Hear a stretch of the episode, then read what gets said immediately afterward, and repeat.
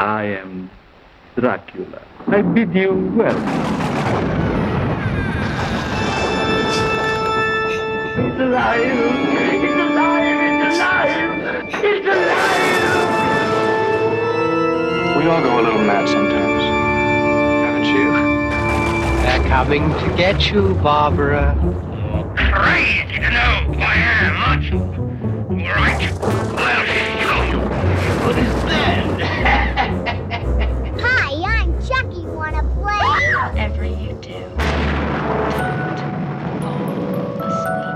Chance to. Uh,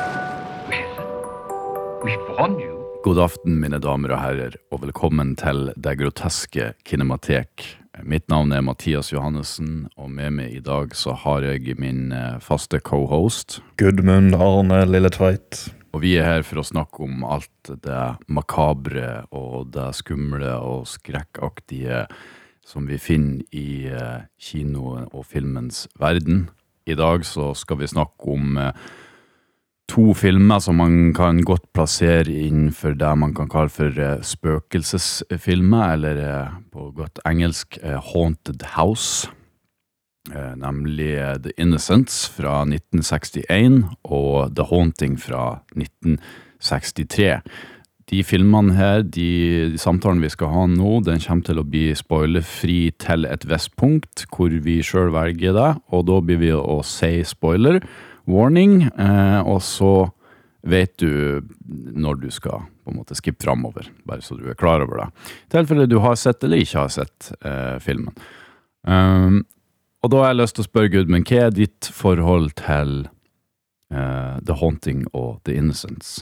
Ja, nei, jeg eh, så jo The Haunting eh, først for en del år tilbake. Um, jeg var vel kanskje vet ikke, jeg, 14-15 år. Uh, The Haunting var jo en film som jeg eh, lenge på en måte vet ikke, jeg, jeg, utsatte den ganske lenge før jeg, jeg tenkte kanskje at eh, filmen var litt kjedelig. Da, da så jeg i hvert fall sånn ut ut ifra stillbilder og sånt jeg så. Og, eh, og så var jeg på en tid veldig sånn skeptisk til spøkelsesfilmer. Uh, tenkte liksom at, uh, at uh, ja, spøkelsesfilm fra 50-60-tallet litt Ikke så veldig spennende. Men men så var det da rett og slett en kveld der det var en skikkelig sånn høstdag der heggene Det var litt sånn, det blas mye ute. Det var litt sånn, sånn typisk sånn høststorm da ute i oktober. Og så tenkte jeg, ja, vet hva, jeg tror jeg skal gi en av The Haunting en sjanse. Mm. Og eh, beklager språkbruket mitt der, men fytt i helvete for en opplevelse det var. Eh, jeg har aldri sett en film der jeg har satt med så mye frysninger og, eh, og liksom rett og slett følte sånn der skikkelig ubehag gjennom hele filmen. Den, den, jeg, husker liksom første gang etter når jeg var ferdig å se filmen, så den gikk liksom rett til topps på en av mine favorittfilmer. Eh, skrekkfilm, altså. Og, og der er jo han enda òg. Eh, jeg har sikkert sett den over ti ganger, vil jeg tro. Og han er like effektiv hver gang. Eh, det er liksom spesifikke øyeblikk av en film der jeg får frysninger hver gang. Det slår ikke feil. Uh, utrolig effektiv film. Uh, The Innocence den så jeg vel en del år seinere. og da tror jeg var en film jeg bare sånn tilfeldigvis kjøpte på Amazon. eh, og eh, ja, hadde vel ikke noen forventninger til den. Jeg tror òg det var en film som sto i hylla mi ganske lenge før jeg da endte opp med å se den. Men en film som jeg ble uh, positivt overraska av. Um, visuelt så er jo han litt lik The Haunting, men, uh, men samtidig måten de viser spøkelsene på, og, og historiefortellinger, så er jo han veldig annerledes fra The Haunting. Og, men, men fortsatt ganske skummel på sin måte. Ja, den kom jo ut før The Haunting òg. Ja, for den kom ut i 1961, var det det? Ja, 61, og Haunting kom i 63. Nettopp. Så det var jo ikke, det var jo ikke lang tid mellom de, jo. Men, eh, men likevel. De, de er veldig like på, på eh, det visuelle, men, eh, men igjen ganske forskjellige òg. Men likevel fantastisk double feature. Men hva med deg da, Mathias? Hva, hva er din historie? Ja, altså det er jo en, som du sier, en fantastisk double feature. Det at de kanskje er de to beste sånn spøkelsesfilmene som eksisterer. Det kan vi jo snakke litt om senere. Men, eh, men mitt forhold er eh, The Haunting. eh, eh, jeg og, og Håvard, som har laga vår flotte, flotte logo, så dere kan se eh, i spilleren. Eh, vi hadde hørt at The Haunting var inspirasjonen inspirasjon til Sam Ramy når han lagde Evil Dead Mm. med de her rare kameravinklene og, og, og litt sånn Litt av det her eh, Hva skal man kalle det? Ikke absurd, men sånn out there. eh, vinkler og, og kamerabevegelser og alt det der, liksom. Um, så vi satte oss jo ned faktisk en høstkveld med regn og, og vind og, og så den filmen, og jeg husker jeg, jeg, jeg, jeg, jeg kikka bort på Håvard etter en stund og sa fy faen, så for en kjedelig film. og jeg var ikke noe sånn særlig sånn, det, var liksom de der øyeblikkene som var veldig sånn Evil Dead. Det var liksom det som var det kule. Mm. Eh, Så det var, det var mitt eh, forhold til den da jeg så den, og det her var sikkert i 2015-2016 og sånt. Og så gikk det noen år da når vi så den igjen på, på når vi gikk på folkehøgskolen sammen. eh, og da hadde jeg jo selvfølgelig, etter jeg så den første gangen, så har jeg tenkt på den filmen, og jeg hadde kommet fram til at nei, faktisk, jeg syns den var eh, For jeg husker den opplevelsen så godt. Og det er jo ofte, det det, sånn har det vært ofte for meg, at jeg ser en film og så syns ikke noe om den, og så sitter den igjen med meg Mm. etterpå. Eh, og de er kanskje de filmene som varer lengst i, i forhold til eh, hvor høyt jeg er satt i. Eh, og når vi så den igjen på folkehøgskolen, så ble det sementert at ok, det her er en knallgod film. Fordi det er så mye ting som du ikke legger merke til hvis du er litt sånn, hvis du ikke følger helt med. Og der får du jo også, vi som har lest eh, eh, novellen til Shirley Jackson som denne filmen er basert på, det, der er jo de temaene som den tar opp enda mer tydelig, på en måte. Ja. Han er jo veldig Ja, han er jo veldig karakterdreven, og så er jo kanskje, kanskje litt av grunnen at noen uh, detter litt av, kanskje. Ja, ja det vil jeg tro. Um, og, og The Innocence det kan jeg faktisk ikke huske hvor, hvor jeg kom over den. Men jeg, den husker jeg at det umiddelbart var sånn Det her er et uh, mesterverk, basically. Ja. For den er så eh, effektiv. Men, men jeg, jeg er litt sånn nysgjerrig før vi hopper inn i de her, for de, her, de her filmene kan jo si kan, altså De definerer jo det du kan kalle for uh, spøkelsesfilm eller, eller Haunted House eller uh, Men uh, hva er ditt forhold til den sjangeren? For det er jo litt sånn Jeg føler det er kanskje litt sånn opp og ned i kvalitet ofte.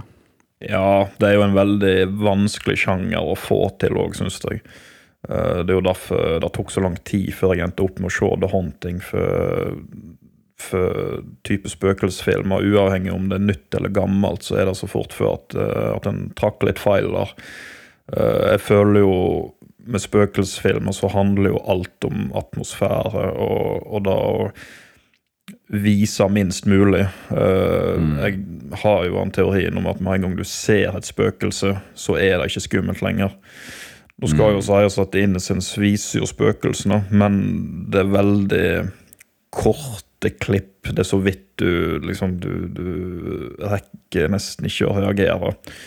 Eh, og, og det er jo noe som jeg syns er litt synd med litt sånn nyere serier og filmer i dag. eh, Spesielt uh, type Ja, eh, Mike Flanagans versjon av både The Haunting og uh, The Innocence, som er jo The Haunting of Hill House og The Haunting of Bly Manor, som sikkert veldig mange har sett på, på Netflix. Uh, og go gode serier, men, men de, de, de musser med en gang uh, Altså, de, de er ikke særlig skumle lenger, for de, viser alltid spøkelsene hele tida, og det er liksom rett på. Liksom veldig close up. Og, og, og det er liksom Ja, kanskje det er creepy første gang, men uh, andre og tredje gang ikke så veldig mye. Uh, og det er jo da jeg syns The Innocence og The Haunting gjør det veldig bra. fordi altså The Haunting viser jo ikke spøkelser i hele tatt. Den filmen bruker jo bare lyd og, og skygger. Og The Innocence viser spøkelsene, men i en veldig korte klipp, og det er alltid liksom vist litt i sånn silhuett. Og- Eller, eller liksom gjennom uh, vindu, at du, du, får, du, du skimter en person, men du klarer ikke helt å se detaljene. Og, og sånt, sånt er jo skummelt. Mm. Uh, men ja, eh, jeg syns spøkelsessjangeren er en veldig sånn hit and miss-sjanger, egentlig. Uh, og, og kanskje noe som funker bedre i litteratur, vil jeg si, uh, enn film. Men eh, ja, hva, hva, hva tenker du om, eh, om den sjangeren? Um, ja, nei, jeg er jo egentlig for så vidt enig. Jeg tror jo det, det som funker i, i litteraturen, blir jo selvfølgelig at, at det blir mye mer opp til eh, fantasien. eh, Ja. Og at eh, fokuset der ligger jo og først og fremst sånn som i, i Haunting of Hill House, som er Altså Grunnen til at jeg vil si at Haunting of Hill House og Bly Manor som re respektivt er remakes av The Haunting og The Innocence, som jeg fant ut eh, for to dager siden. Men, eh, men grunnen til at de er gode, er fordi at dramaet er godt. Ja. Eh, Og der får du også ofte i, i litteraturen at dramaet som ligger i bunnen, er godt, så historien er god. Om man er så skummel eller ikke, det blir opp til hver enkelt eh, person. Noen syns jo sikkert at Haunting of Hill House er en kjempeskummel serie fordi ja, fordi de blir skremt av eh, nettopp det å se spøkelsene. Mm, Det er sånne ting som de, det skremmer ikke meg. Jeg syns ikke den serien eller de to seriene er skummel i det hele tatt. Jeg syns den filmen som Mike Flanagan laga um, eh, før han lagde Hill Hill House på, på Netflix, som het The Gerald's Game, Mm. den er mye skumlere enn The Haunting of Hill House. Nettopp fordi han bruker de virkemidlene som du ser i The Haunting og The Innocent, som er å ikke vise for mye. Og det er jo andre filmer som i sjangeren her, som, som, sånn som for eksempel The Shining er jo et godt eksempel. Mm. Um, Selv om den går jo litt sånn bananas, men Men uh, Og sånn som ja, Poltergeist kanskje uh, går jo òg litt som bananas, selvfølgelig, men, men er veldig eff effektiv uh, i liksom oppbygging til klimaks, da. Ja da, altså det er greit. De er ikke så veldig subtile, men, men, men de, Ja, de er jo der i, begynnelsen, på en måte. Ja, ja, men som du sier, at det går bananas mot slutten, og, og, og, og da blir det mer sånn a spectacle, på en måte. Det er liksom det er ikke skummelt lenger, men det, det er spennende likevel. Mm, ja.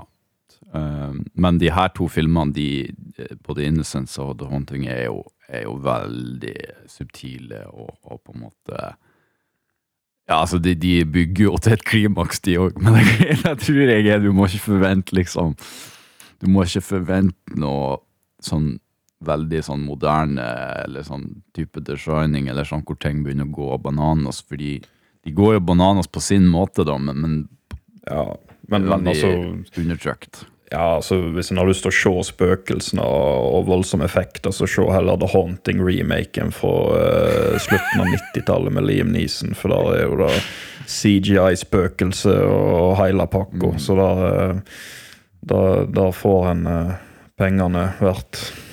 Hvis det er det en er ute etter. Jeg syns det er rart at den The Haunting fra 63, den heter um, Den heter uh, på norsk uh, Hill House er hjemsøkt, eller whatever den heter på norsk. Mens den remaken av The Haunting, den heter bare Hjemsøkt. Så det er veldig rart hvordan vi, de norske som har oversatt det, de har liksom bare glemt at, at det var en remake. Ja, ja, ja. Men det er, jeg kom på at det er jo en veldig god spøkelsesfilm som kom i 1980 med George C. Scott, uh, The Changeling. Den Ja. er jo i samme ånd som Innocence og Haunting, der du får aldri se spøkelser. Og, og du har en utro, fantastiske scene der han da han, han, han tar en sånn der eh, Jeg husker ikke om det var en sprettball eller et eller annet så han kaster i elva.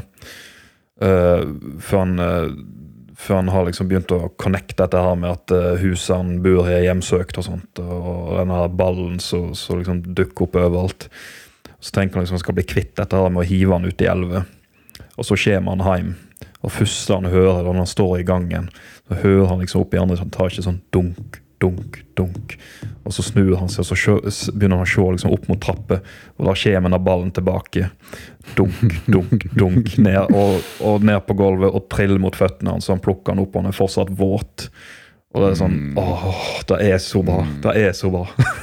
Det er, det er også en fantastisk eh, Haunted House-film.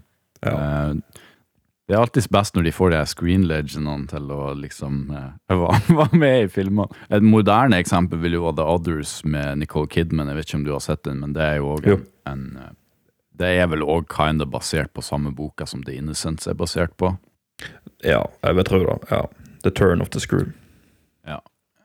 Men eh, Ja, nei, vi skal sikkert snakke om sånne filmer, men, men, eh, men det er så Jeg tror oppsummert så er det Det er litt opp og ned med, med Fordi jeg tror det det er klart at det vi sier nå, det kan, det kan hende at du er helt uenig med det. At vi må se spøkelser, det er da det er skummelt.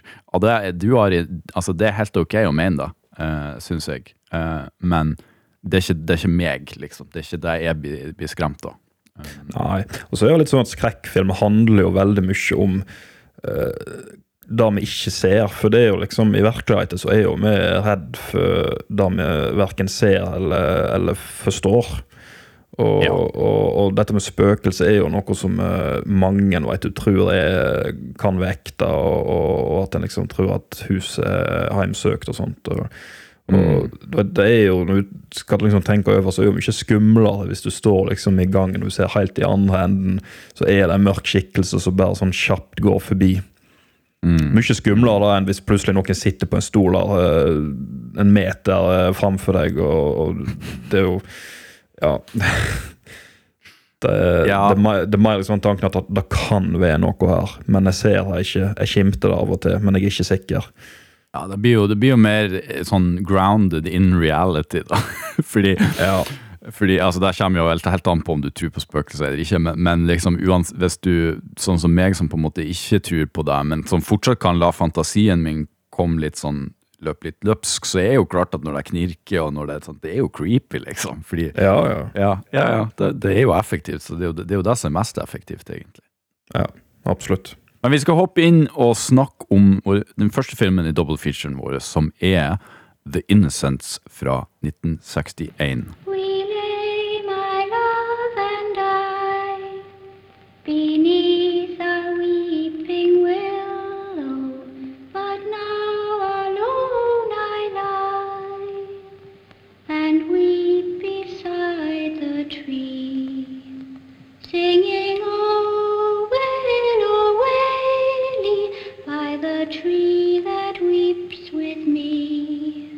The Innocents er jo eh, regissert av Han høres ut som en Disney-skurk, Jack Clayton. er ikke det det han heter i Tarzan? Som er um, er regissert av Jack Clayton, um, og, og skreven av uh, ingen andre enn um, faktisk eh, Truman Capote.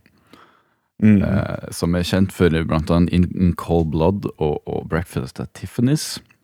Um, og det er basert på Selv om det er vel litt sånn Det, det er basert delvis i hvert fall på den her eh, Henry James-storyen, The Turn of the Screw, som du nevnte tidligere. Ja. Og det starrer jo screen legend Deborah Kerr, som, på, altså, som er legendarisk i britisk eh, film. Uh, har gjort masse filmer med Michael Power og Er- Emerick eh, Pressburger, som er liksom de to store legendene i britisk eh, filmskaping. Og det her er jo en britisk film som ble lagd i, i Ja, det her er jo storhetstida for britisk skrekkfilm, egentlig. Selv om det her er jo veldig annerledes enn Hammer-filmer. Ja, det er jo det.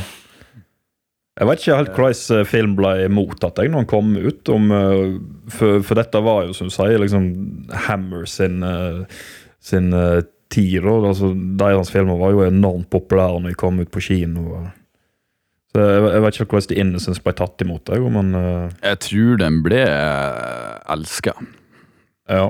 når den kom ut. Det er jeg er ganske sikker på det. Og det er jo sikkert fordi det er så annerledes på en måte. Altså, for det her er jo svart-hvitt. Um, ikke noe blod, og, og, og, og, og det vold, veldig sånn eksplisitt vold, og sånn som, som du ser i Hammer-filmene, da. Mm. Men, men, men jeg bare Hva Hva er det egentlig The Incense handler om, eh, Gud?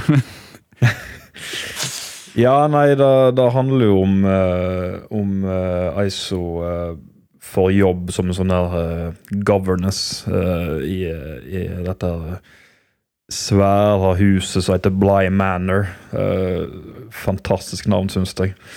Eh, og her skal hun da eh, passe på disse to ungene, da. Flora og eh, Miles. Uh, og to veldig, veldig spesielle unger. Uh, de, de virker veldig voksne for sin alder, for de er jo ikke mer enn ja, fem-seks år, noe sånt. Er de bare fem-seks år? Nei, altså da vet jeg ikke, men de er i hvert fall veldig unge. altså Flora hun går jo ikke på skole, Uh, og Miles Ja, ja, er, nett, okay. er nett begynt på skolen, men så blir han sendt hjem.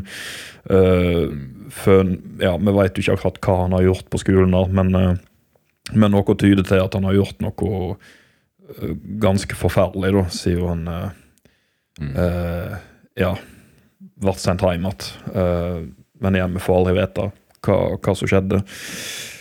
Eh, men uh, men ho, eh, hovedkarakteren, da, som jeg ikke husker navnet på Miss Giddens? No, Miss Miss Giddens, ja. Hun, hun begynner jo ganske tidlig i filmen å merke at det er noe muffens med Miles og Flora. De, de, ja, for de, altså, de er veldig hyggelige og greie, men, men så er de nesten litt for hyggelige og greie på en måte òg. På en litt sånn creepy nivå. Uh, og så har du liksom noen sånne øyeblikk, liksom, spesielt når vi skal leke gjemsel. Og, uh, og uh, Miss Giddens hun, eh, hun begynner å lete opp på loftet etter. Og eh, så begynner hun liksom å bli litt sånn eh, eh, Hun begynner liksom å rote opp i noen saker og greier, så så kommer Miles bakom henne og liksom sånn gotcha og sånt. Og, og så har han liksom armene eh, liksom på skuldrene hennes altså, sånn, liksom rundt halsen. Og så, og så, ja, så ler han med skidsen og sånt, her, funny og sånt. Men så, men så begynner hun å kjenne at han han strammer grepet rundt halsen. Og hun bare sånn liksom, Miles, you, you, uh, it's, uh, you, it's too tight, og sånt. Og, sånn, og han liksom bare fortsetter å le mens han bare strammer grepet mer og mer. Jeg tror liksom det er da hun begynner å eh, Begynner liksom å skjønne at her er det noe som ikke stemmer helt. Now you're my. Oh, Miles, let me go. Why? You're hurting me. Am I?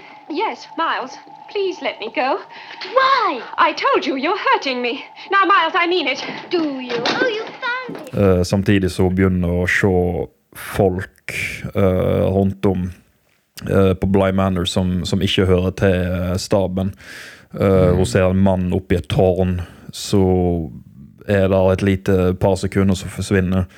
Hun ser denne mannen igjen når hun skal leke gjemsel og skal gjemme seg bak noen gardiner, og så kommer det en skikkelse i, eh, i, eh, utenfor, gjennom glaser.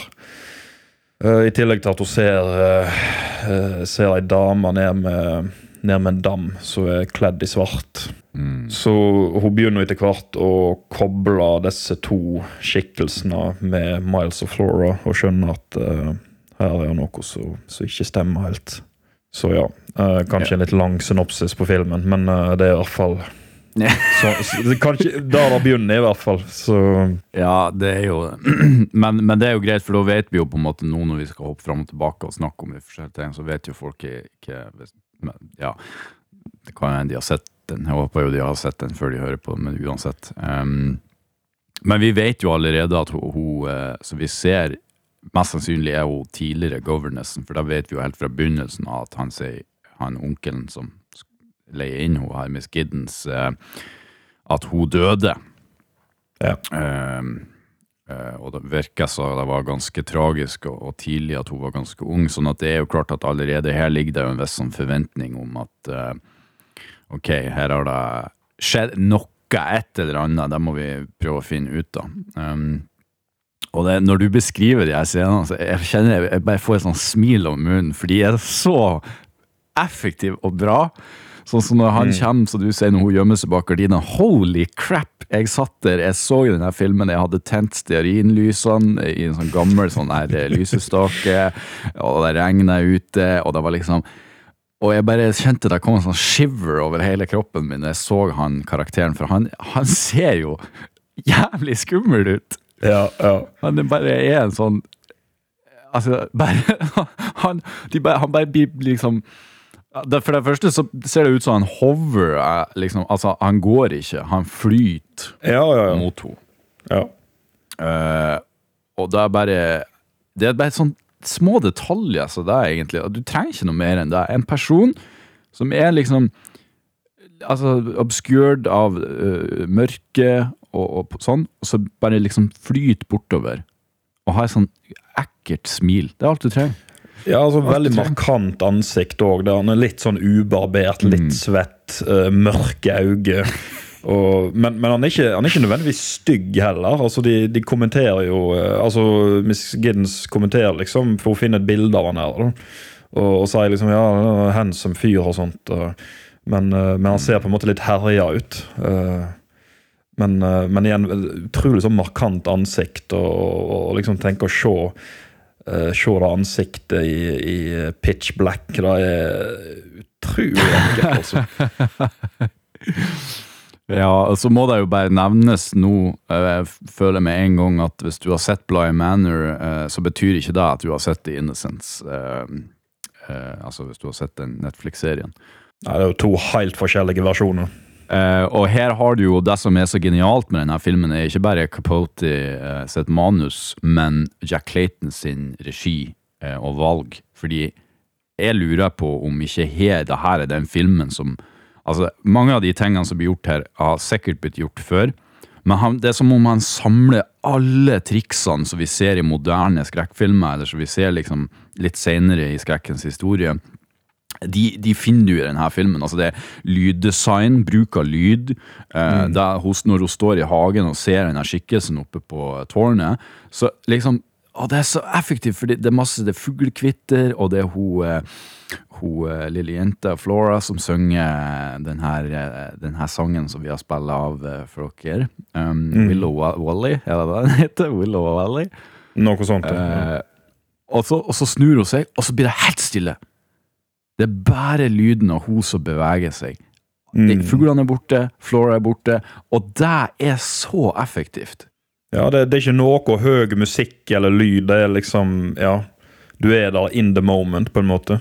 Ja, og det, det er sånn triks som alle skrekkfilmer etterpå eh, på en måte eh, bruk, altså liksom, Jeg bare tenker allerede på sånn fredag den 13. og sånn, og hvordan de bruker musikk og lyd, og så nå er jeg stille, og så kommer jumpscaren, eller sånn type, liksom.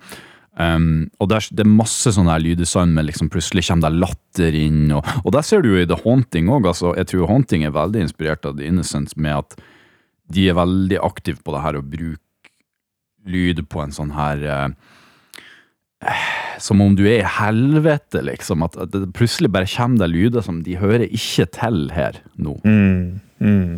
Uh, og det her er ikke noe jeg kan Hvis ikke du kommer på noen eksempler, så er ikke det her noe jeg kan Jeg føler jeg kan finne tidligere et eksempel enn The Innocence. Det blir kanskje Psycho, men men jeg føler ikke Ja. de bruker det sånn særlig der.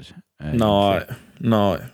Men det edder jo bare til at her, det er noe som foregår her på eh, Og visuelt òg, selvfølgelig, når hun snur seg og ser han der på, så er det jo sånn hun får liksom sol i øynene, og det er så mye både visuelt og lyd som blir brukt i denne filmen for å enhance.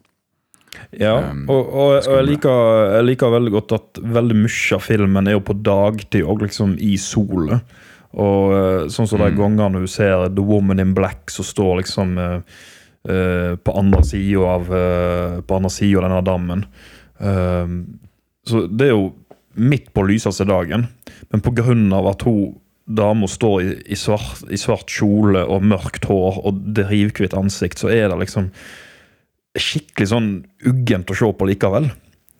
Og, men men, men også, liksom, filmen er utrolig fin å se på. Jeg elsker bruken av, eh, av eh, naturlig sollys og skygger. Og, og du får masse sånn flott, flotte skygger ifra, eh, ifra eh, plantene og sånt. Og, og, men dette er jo min indre fotograf som kommer fram nå, og jeg liker jo sånne ting. Men, eh, men, eh, men jeg bare liker at, at filmen har en veldig sånn naturlig look. da.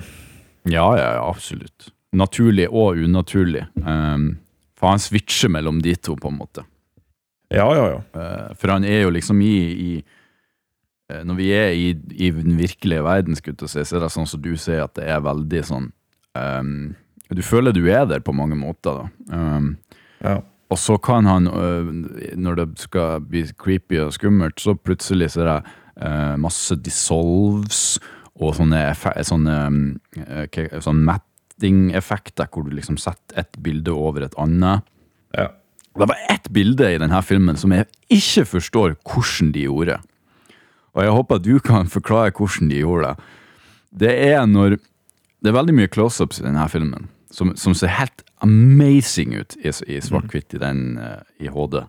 Um, og det er et bilde av Flora. Hun er helt nærme kamera. Hun har liksom fjeset sånn litt til side. Og hun er i fokus, samtidig som Miss Giddens er i fokus langt bake. Så vi har en sånn um, Hva er det det heter? Det hetes for sånn eh, deep focus, er det det det heter? Ja, ja. Og, og plutselig så går hun Miss Giddens Hun går bak Flora. Og da skjønner jeg ikke hvordan i alle dager fikk de til det, fordi at deep focus er jo, er jo en, en splitt, som regel. Det er jo noe som Eh. Ingmar Bergman brukte veldig mye. Ja, Uh, og ja, men det er, ja Kan du forklare det? Nei, jeg veit ikke. Nei. Altså, jeg vil tro at det er samme teknikk, men at uh, Ja, de De må bare ha fått det perfekt, rett og slett. Ja, jeg, ja. ja, de må jo ha gjort det, da. Jeg, jeg må studere den scenen for å prøve å forstå. Fordi det da, da ble jeg sånn mindblown. Det er sånne ting så Når jeg ser en moderne film med sånn her big eksplosjon, så tenker jeg bare ja, men det, du kan gjøre det i en computer. Men, men det her er liksom sånn Hvordan i alle dager gjorde du det? Mm, mm. Det er selvfølgelig noen, noen eh, Jeg tror det er sånn par-tre shots i denne filmen som, hvor du ser at de har brukt en sånn matte-effekt, men, men utenom det så, så, eh, så er alt he- helt fantastisk. å se. Ja. ja. Og de, de, med liksom disse dissolvesene og sånne ting, så, så lager vi en veldig sånn fin surrealistisk effekt. Så, så jeg føler er jo veldig viktig i en spøkelsesfilm. De, de, de, altså Robert Wise uh, eksperimenterte òg veldig mye med The Haunting, som vi skal nå komme til etter hvert. Eh, Ja. Men, men jeg, tror, eh, jeg tror noe av det viktigste i en spøkelsesfilm er å skape en, uh, en psykologisk effekt der, der du er på en måte mer inni hodet til personen. Du, du, du, må nesten lage en slags point of view der eh, du ser det samme som hovedkarakteren ser. Eh, for det er jo alltid dette spørsmålet om er spøkelset ekte eller ikke. Og, eh, og, og, og da kan du liksom ikke Du kan ikke stave det ut i en film. Du, du må Ja, du må rett og slett bruke kameraet og, og, eh, og lage en, eh, en litt mer sånn surrealistisk uh, uh, vri ut av det, på en måte. Ja, og her er det jo, de er jo ekstra heldige her, fordi de, de bruker denne sangen, som jeg tror er, er genialt eh, knep. For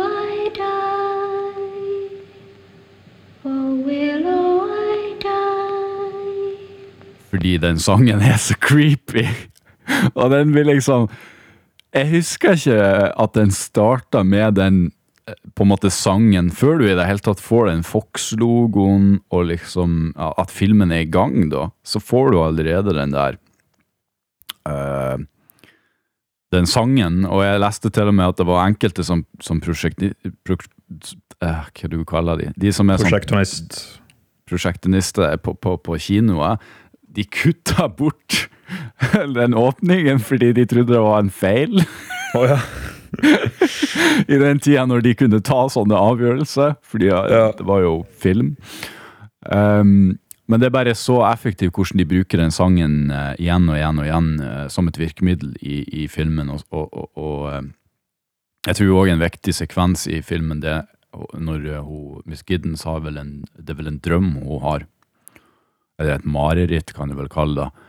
Eh, hvor det er masse forskjellige foto som er dissolved over hverandre, eller som på en måte er, er og, og det er sånn drømmeaktige sekvenser nesten, hvor hun driver og danser med Flora, og, og, og liksom og, og det er jo på et, et sånn tidspunkt i filmen hvor vi òg egentlig er, er Vi må stille oss sjøl spørsmålet hva er det som skjer her? Er det her ekte, eller er det hun som Er det, er det Miss Gidden som, som fantaserer det, eller er det ekte, eller Altså vi, vi er med hun i den reisen på mange måter.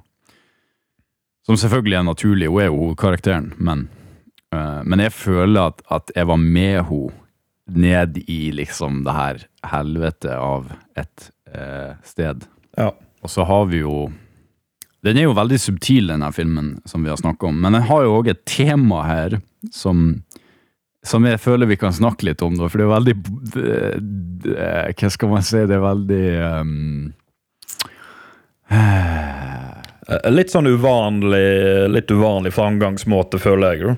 Ja, For, for, det jo, for det er jo ikke en sånn basic spøkelsesfilm det handler om å, å fange spøkelser eller, eller liksom løse mysteriet om hvorfor det er et spøkelse. eller sånt. Det er liksom ikke Ja. det det handler om. Uh, for ja Jeg vet ikke om vi- vi skal si spoiler alert. skip til tidskode 4751 for å unngå spoilers. For som jeg sa tidligere, så, så begynner jo Miss Giddens å skjønne at uh, disse spøkelsene er kobla opp mot, uh, mot uh, Miles og Flora. Og det hun finner ut, er jo at rett og slett disse to personene, hun Woman in Black og han mannen som går rundt som heter Peter Quint, de uh, jobba jo på Bly Manor tidligere og hadde, og hadde jo liksom et tett forhold til Miles og Flora. Og, og dess jeg, jeg, jeg, jeg tror det var litt uklart hva som egentlig skjedde, men, men om Peter Quint tok Eller han ble drept, eller et eller annet skjedde, en ulykke. Og, og hun Woman in Black eh, tok livet sitt. Hun drukna seg sjøl ut i den eh, dammen. Eh, for de var tydeligvis eh, De hadde et forhold i dag. Eh, og så har de tydeligvis som gjenferd da, tatt over kroppene til Miles og Flora. Uh, så det er jo da Miss finner ut at de har blitt uh, possessed. Som er jo en uh, Ja, eller det er det hun tror, da. Ja, ja, ja. ja. Det, Men det er, jo, det er jo det som er jo en er litt sånn unik vinkling, for det er jo noe som du som oftest ikke ser noe av i spøkelsesfilmer. Den, den type tematikk. da. Eh, Jeg vet ikke hva du tenker. ja, for det funker jo på to nivå. Det er jo da sånn direkte i storyen, så er det sånn Er de possessed, eller er de ikke possessed? Eh, sam, og samtidig funker som en subtekst, men også tekst på en måte. Så jeg skjønner ikke helt hvordan det foregår. Men så er det jo det at de har blitt For de er liksom the innocence, men de har blitt corrupted.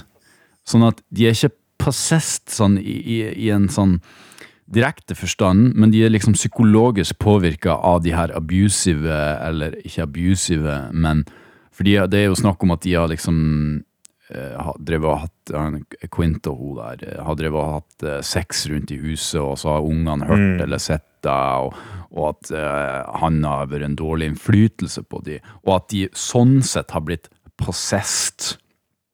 Eh, at de har blitt, fått en, fått, blitt corrupted, for det er jo òg et tema som er veldig sentralt her. Det her med the Innocent og the corrupted. Og at hun da prøver å, å på en måte, altså Du kan se på det på en måte at de er possessed sånn, faktisk possessed av spøkelsene til de her eh, karakterene, eller at de er liksom possessed i en sånn rent sånn psykologisk forstand, at de har blitt eh, corrupted med at de bannes, og de, de, um, de har sett og hørt ting som de ikke burde sett og hørt når de var små. da. Eh, og, eh, og det er det hun vil at de skal innrømme det, sånn, fordi da får hun mana deg ut av de, da, I guess. Ja, for hun, ve- hun sier liksom at hun skal prøve å få våkna i opp, rett og slett. Ja. Og du har jo en scene hvor han eh, gutten, hva er det han heter, han lille gutten? Miles. Miles, ja. Hvor han sånn kysser hun Miss Giddens veldig lenge, og passionately. Eh, og da får du jo et inntrykk av er det her Er han possessed Quint? Som, altså Quint hadde totally kommet til å gjort det der. Fordi han er jo en gris, som vi har etablert. eller, er, eller, eller er han corrupted? At liksom han har sett Quint gjøre det her med den forrige governessen, og nå skal han gjøre det samme fordi det er det en mann gjør. For de, her, de har jo verken en far eller en mor, de har en onkel som ikke bryr seg om de annet enn at han gir dem penger, og, og liksom, han, han vil ikke ha noe med gjøre. Så det er jo åpenbart at de har mangla folk å se opp til, da, kan du si. Ja. Og det er jo der denne filmen er så ufattelig god, fordi den har det der tematikken og det der som, som ligger både på en måte på overflaten og, og litt sånn under eh, på samme tid. Mm. Nei, men altså, jeg, jeg, vil, jo, jeg vil jo tro at uh, at spøkelsene har en sånn viss uh, innflytelse eller, eller makt over disse ungene. Eh, for, for du har jo liksom Flora som uh, flere ganger blir på en måte trukket mot uh, denne her dammen som Woman in Black heller til. Eh, og, og, og så har jo du òg Miles som så helt på slutten av filmen. da. Der, der da Miss Giddens prøver å heade Miles. så har jo dette bildet av av Peter Quint som står over dem, og du ser liksom hånda hans som Nesten, nesten som han eh, har liksom taket på Miles. Det er på en måte nesten så han har drevet og styrt han på et vis. da.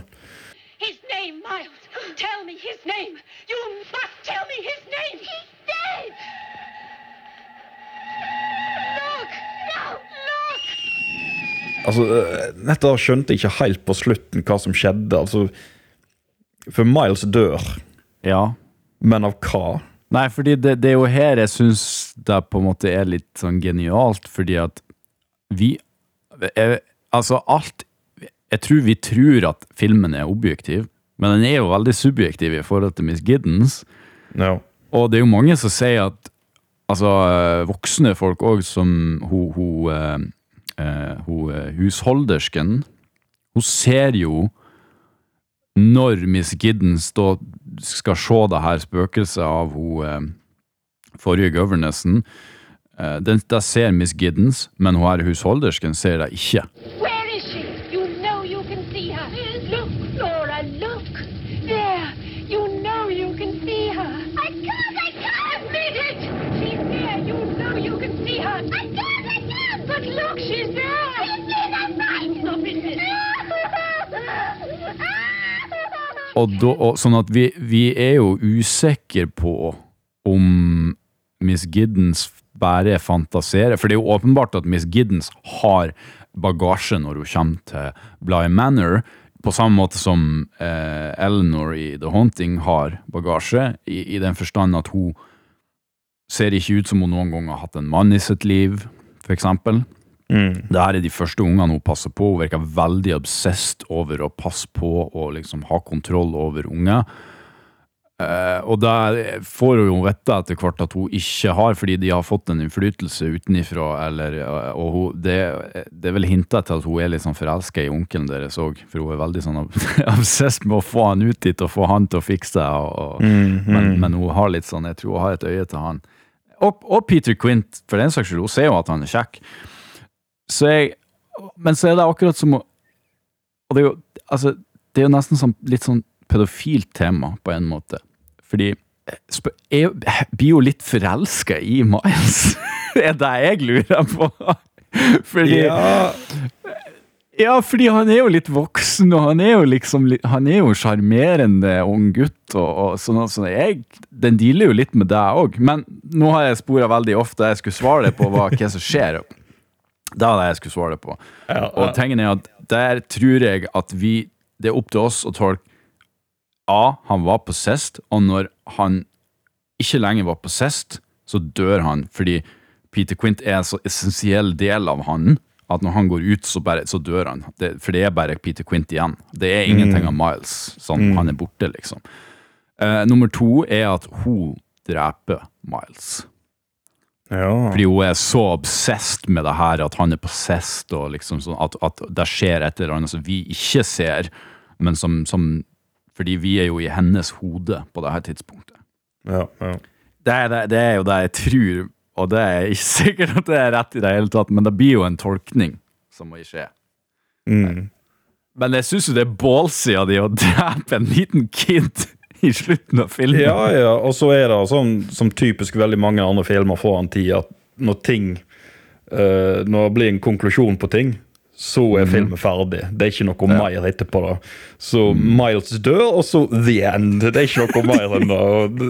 Ja, jeg bare liker at de ja, de kaster all logikk ut vinduet på slutten. Og, og, og bare sånn Ja, nå dør han. Ferdig. Så får du bare dikte opp resten sjøl.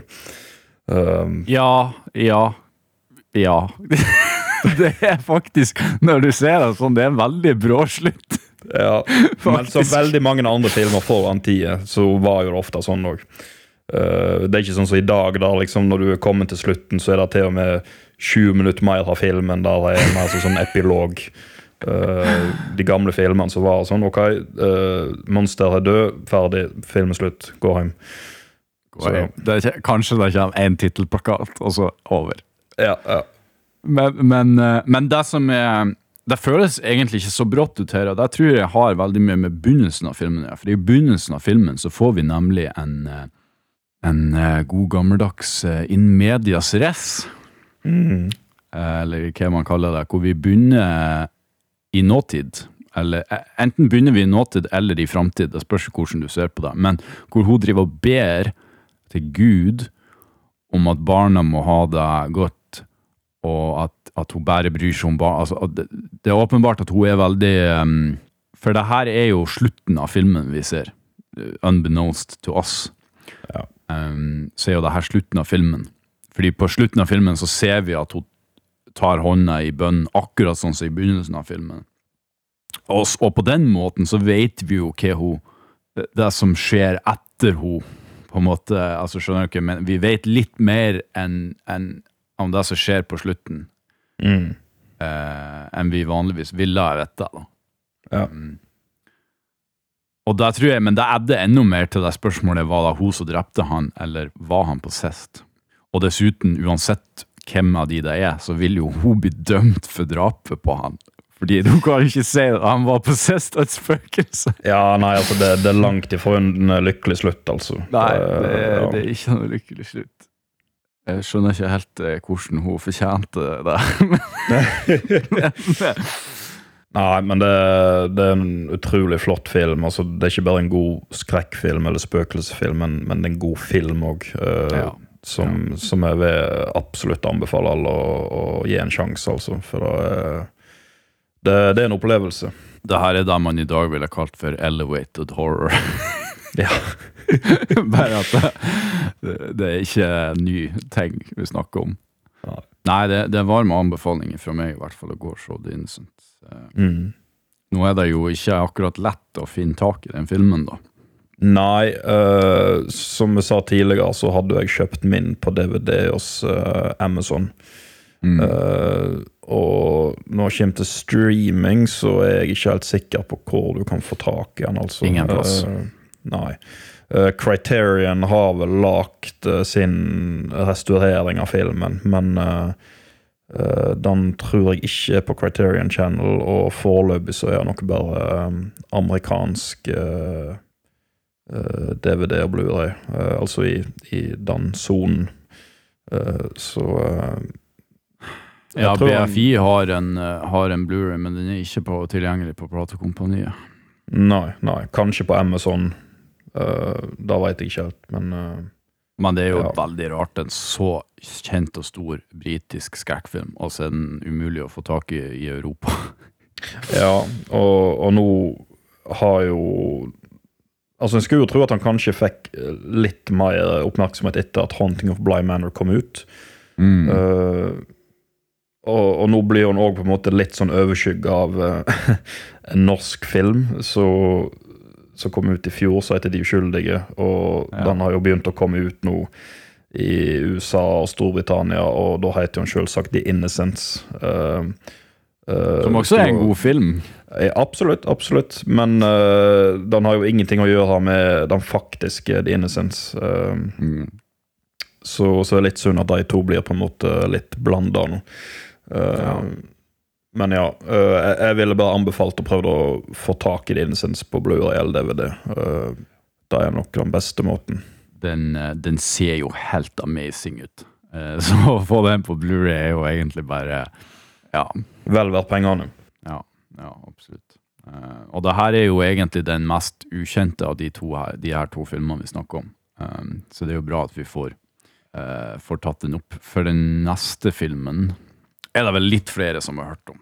The Haunting fra 1963. My name's Marquay, Dr. Marquay, a scientist interested in the supernatural. The unnatural, if you like. I came to Hill House to find the key to another world. Assisting me in this exploration of the unknown was Eleanor, Nell, who could look back into the past, and Theo, something of a witch who could see into the future. This is Luke, who didn't believe in anything until evil, patient and waiting.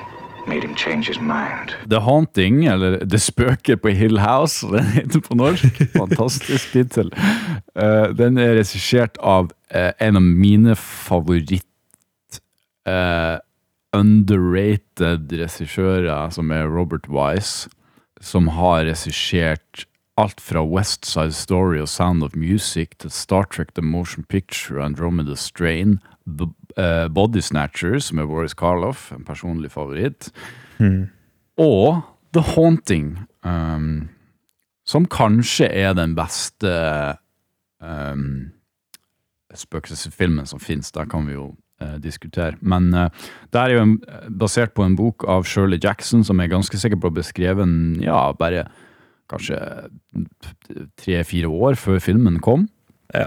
tror jeg. Eh, så det, så, hun, hun ble jo spurt eh, når de skrev screenplay om hva hun syntes om, om det og det og det, og, og, så hun hadde jo en, litt, eh, en liten rolle i, i filmen. Og, og jeg vil jo først bare, fremst bare si, og det, du kan jo kommentere på det òg, at den novellen er jo helt fantastisk. Altså Shirley Jackson er jo virkelig en kjempeforfatter i horrorsjangeren, vil jeg si. Absolutt, absolutt. Jeg, eh, altså, jeg, jeg er litt sånn du, du trenger ikke nødvendigvis å lese boken før filmen. Uh, jeg vil si, Uansett hva ende du begynner i, uh, det er ikke så nøye, men, men få med både filmen og boken For Det er en fantastisk historie, og, og begge to er utrolig effektive på sin måte. Så uh, ja. Ja, det er jo veldig rart at For du har jo de, de folkene som som alltid er sånn ja, boka er bedre enn filmen, boka er bedre enn filmen. Uh, men her så syns jeg det blir så ufattelig kjipt å se at den ene er bedre enn den andre. Virkelig. Fordi Ja. filmen er fantastisk, og boka er fantastisk. Ja. Og på hver sin måte. Det her er, egentlig må, det her er jo måten du skal adaptere en bok på i film, egentlig. Og gjøre det til sitt eget. Ja, ja, ja, absolutt. Har du lyst til å oppsummere hva filmen handler om, eller skal jeg gjøre det? Nei, jeg kan fortelle. Jeg. Ehm, nei, det, det handler jo om Altså, begynnelsen av filmen syns jeg er jo helt fantastisk. Da, der uh, en av karakterene, Dr. Markway, uh, begynner å fortelle om historien til Hill House. Scandal, murder, insanity, suicide. The history of Hill House was ideal. It had everything I wanted. Uh, det var en rik mann som heter Hugh Crane, som bygde dette huset på 1700-1800-tallet. Og, eh, og første tragedien begynte jo med at uh, hans uh, første kone da, kom uh, med en hestekjerre eh, opp mot Hill House, og på veien så eh, jeg vet ikke, Hestene ble skremt eller et eller annet, og, og skjæra gikk rett i et tre, og, og kona døde momentant. Um, og Hugh Crane fikk seg en kone til, og hun òg uh, døde på uh, mystisk vis. Uh, datt ned ei trapp. Og, Ja, det er ikke så eh, mystisk, men jo da. Nei, men eh, et eller annet gjorde at hun eh, Ja. datt, eh, datt nedover trappa. Eh, og så har du da uh, eneste datter til Hugh Crane som, uh, som eh, bodde i huset helt til hun døde. Eh, men eh, en tragisk død der eh, hun uh, sykepleieren da eh, ikke fulgte med mens hun trang hjelp, og drev og banka med den stokken i veggen for å få, henne til å komme. Eh, Hun drev jo på med, med en eller annen kar og koste seg med det, så, så hun, uh, dattera Hugh Crane, døde jo da uten å få hjelp. Og, og dette gjorde jo at hun, sykepleieren, fikk huset. og og bodde der, helt til hun da hang seg sjøl. så dette var flere av tragediene som har skjedd i dette huset. Uh, og dr. Markway han, han har jo lyst til å forske på dette med, med gjenferd og uh, the supernatural. Så, så han samler jo en gruppe folk som skal komme til dette huset, da, som har opplevd uh, noe uh, supernatural tidligere, eller har uh, litt sånn synsk evne, eller noe sånt. da. Skal komme til dette huset, og så skal de være i noen dager for å finne ut om eh, Hill House eh, virkelig eh, spøker. da.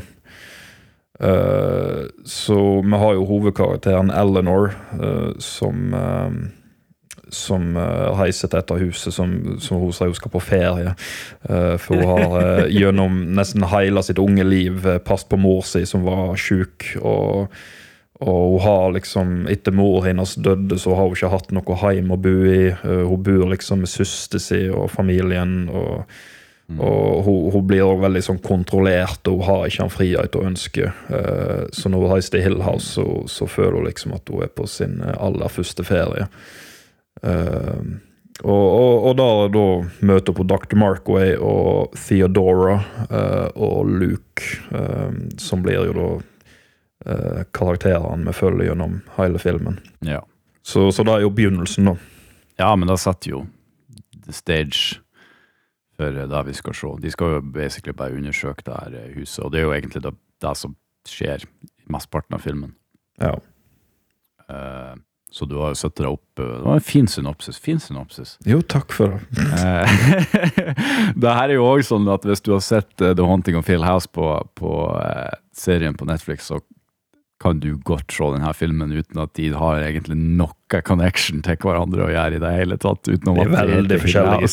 Ja. Veldig forskjellig. Det eneste er at Russ Tamblin som spiller Luke, er jo faktisk med i, i The Haunting of Hill House Å ja. serien. Ja. Eh, han har en liten, liten rolle der. Um, også kjent fra uh, Twin Peaks som Dr. Jacobi. Å, det er han! ja! Du visste ikke det? Nei! jo da. Jo da. Oh, wow. Uh, og, og faktisk em, Mens vi er på Robert Wise, som han har laget West Side Story, og hovedkarakteren i West Side Story jeg, tror, jeg lurer på om de er det to stykker der, eh, men det er jo han Benjamin Horn, er hovedkarakteren i West Side Story. Mm. Så, eh, så jeg tror Kult. David Lynch var sikkert en fan av Robert Wise sine filmer. No, Um, no. Men ja, Hill House er jo på mange måter Det her er jo mer en Haunted House-film, fordi huset er så sentralt. liksom. Det heter jo tross alt The Haunting of Hill House, eller ja, The Haunting. Um, ja. Mens, mens Innocence var jo egentlig mer en um, ah, man, en spøkelsesfilm. At det handla mer om liksom eh, spøkelsene enn nødvendigvis plassen. Selv om Bly Manor er jo òg Ja, for Bly Manor har jo liksom ikke noe sånn lang historie om tragedier og sånne ting, og du, du, du får ikke liksom inntrykk av at her er det masse spøkelser, det er liksom bare de der to. Uh, Woman in Black og Peter Quint. Mens The Haunting setter jo opp i forbindelsen av at her har det skjedd mye fælt, og mest sannsynlig så kryr det med gjenferd i dette huset. Ja, og, og det er jo òg bygd av han Det hadde Han fyren han heter Hugh Crane. Men når, jeg, når de sa det, så tenkte de sa Ukraine. Bare vent, vent det er huset bygd av Ukraine? Så det var litt uheldig navn å ha, men, eh, men Og så må sies at, at filmen tar jo plass i New England, som er liksom den perfekte sånn spooky staten i USA. Ja, ja, ja. Det, det ser du jo bare når hun kjører bilen til, uh, til Hill House, at det er veldig sånn Ja, det er veldig sånn der eh, Det er øde, men samtidig så er det veldig sånn der gotisk med tre og, og, og løv og ehm, Altså, jeg regner jo med at uh, det her var den type filmer som Stephen King så uh, og ble inspirert av og skrev bøkene sine. Uh, Ja, han vokste jo opp på plassen, så han har jo et connection til den òg, men, men det er veldig Det er vel en grunn til de kaller New England, at det er veldig engelsk der, på en måte. Ja, ja. uh, og England forbinder jo jeg med gotisk, sånn uansett, for de har jo så mange gamle sånn. Men, men han Hugh Crane, han bygde det her huset, da. Og han bygde det visst tydeligvis skeivt. Eller ja, det er jo der de sier, at han bygde det med sånn eh, at, at alt var liksom litt off. Mm. Så det er nesten så de på en måte indirekte ser at, at han har liksom Jeg vet ikke At, han, at det er noe satanistisk over det, kanskje? Et, et, et, Ja. ikke, det er min tolkning, da. Det er min tolkning, det skal ses, for det er ingen, så det er ingen som nevner det. Men at han føles litt kanskje sånn uh, okkult. Ja, Kanskje. ja, ja. Det er jo noe altså Du ser liksom helt i begynnelsen, eksempel, etter hans liksom, første kone har dødd, så blir hun tatt med inn i Hill House og lagt liksom opp på sofaen der.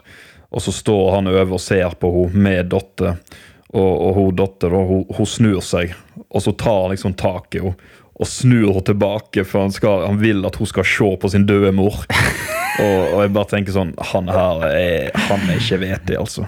Nei, det tror jeg ikke han er heller. Fordi han har jo bygd det midt ute i Gokk fordi han likte å være alene og isolere seg. Og, og eh, jeg, jeg tror jo, selv om denne biten av filmen er veldig veldig kort, og sånn, så er den jo helt, helt essensiell i å fortelle oss at det er det her huset som er evil, på en måte. Det er ikke Altså, spøkelsene kan være uh, trapped her, på en måte, litt mot sin vilje, da.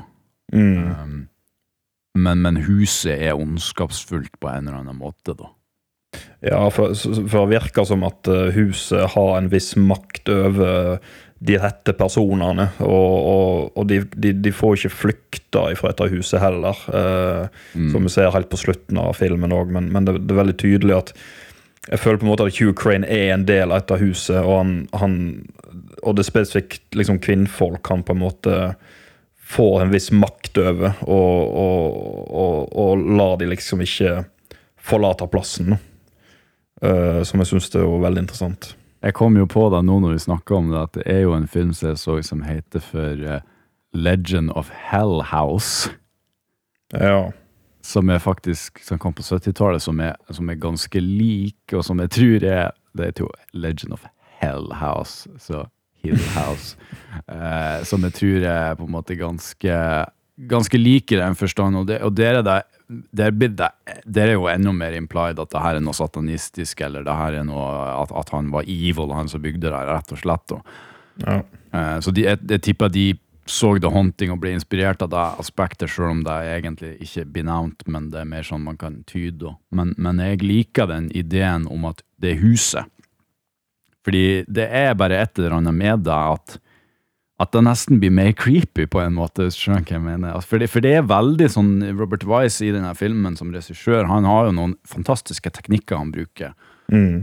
hvor det er veldig, det er nesten sånn New Wave-aktig av og til, med håndholdt kamera som bare går sånn wow, opp og ned, og det er jo, jeg sa jo tidligere at det her med Evil Dead ble inspirert derifra. Um, Det er jo ikke så tydelig nødvendigvis, men det er noen sånne der hvor de fort som kamera bare suges inn mot ei dør, og så banker det på, lyd, lyddesign er veldig sånn, altså den bankinga er veldig intens, og, og, og, og det er liksom sånn, det er det, det, det, det det som jeg syns er litt creepy her, at, at altså, vi får aldri sett noe spøkelse.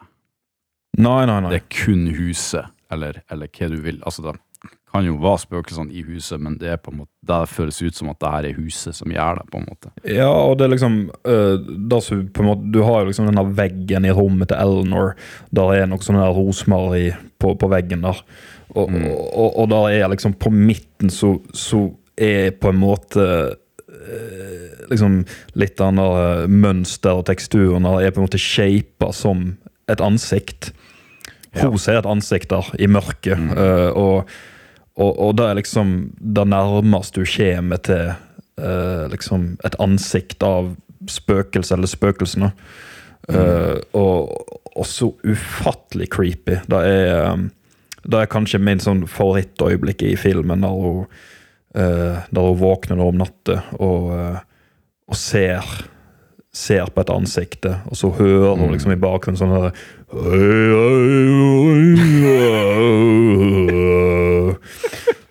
og, og, og, så, og så tror hun at hun ligger i senga attmed Theodora, og hun liksom bare sånn sier sånn liksom, Hold hånden min. Uh, og så går det en stund, og så bare liksom Nei, slutt, Theodora. Du, du, du, du klemmer for hardt.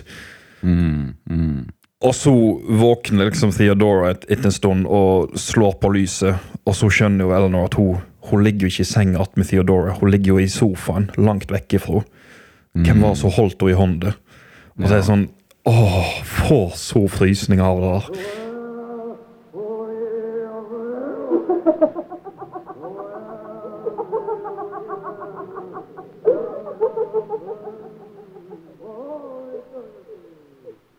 Do you think it's over? Theo, you're breaking my hand. Alle som har lye i ei seng i et creepy hus, kan relatere til akkurat det der. Men sånn creepy sånn, Jeg husker det her huset her. Det, jeg tror det er, det er mye av grunnen til at jeg liker denne filmen så godt, er at huset minner meg om, om bestemors sitt hus. uh, som hadde sånn vegg-til-vegg-teppe og sånn creepy tapet. Og, som liksom Med en gang du skrudde av lyset, så, så er det liksom sånne shapes i rommet som bare er sånn Er det, er det, er det et hode? Er det liksom, du, du får en sånn Fantasien begynner og liksom spiller Ja. spille triks med deg. Og da, Ja. det, du, jeg føler du kommer inn i de her rommene med de her karakterene. Mm. Og er med de og ser på den her tapeten og, og, og og den tapeten ligner òg det? Jeg vet ikke om du så det, men den ligner jo på den Book of the Dead i Evil Dead. Ja da, absolutt. ja. ja, ja. For det er liksom, det er liksom bare eh, liksom to veldig sånn tomme, mørke øyne. Mm. Ett er liksom litt større enn det andre, og så munnen så er liksom bare sånn Det er bare sånn, er sånn gaping mouth, på en måte. Eh, men, men veldig sånn smått og subtilt. Det er ikke, det er ikke et tydelig ansikt, men pga. lyssettingen så klarer hun akkurat å skimte at det er eh, et slags sånn distorted eh, ansikt. da. ja. Og da er liksom det eneste du har av et ansikt i hele filmen. Resten er bare lyder.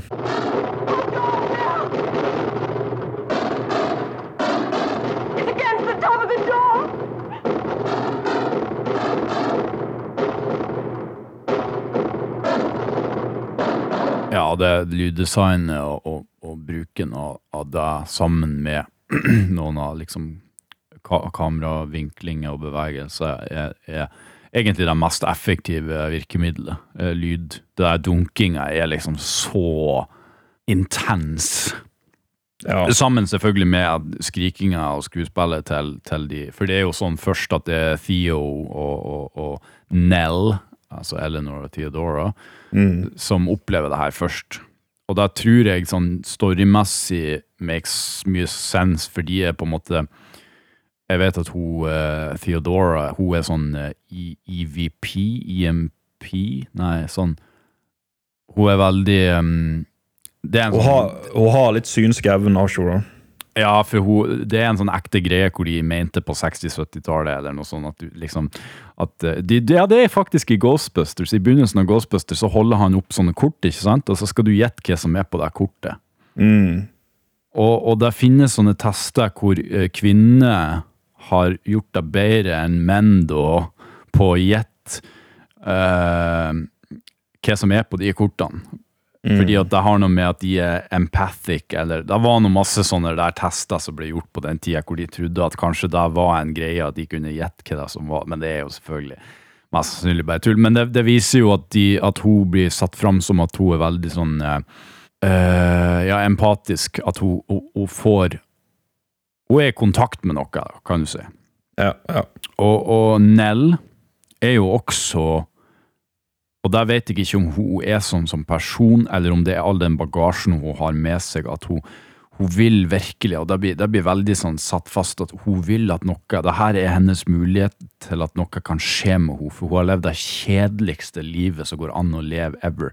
Hun har bare passa på mora, hun er en slave for søstera. Hun måtte jo stjele bilen som hun faktisk Hun eier halve bilen deres, og hun fikk ikke lov til å låne den for å dra til, til Hill House, så hun stjal den.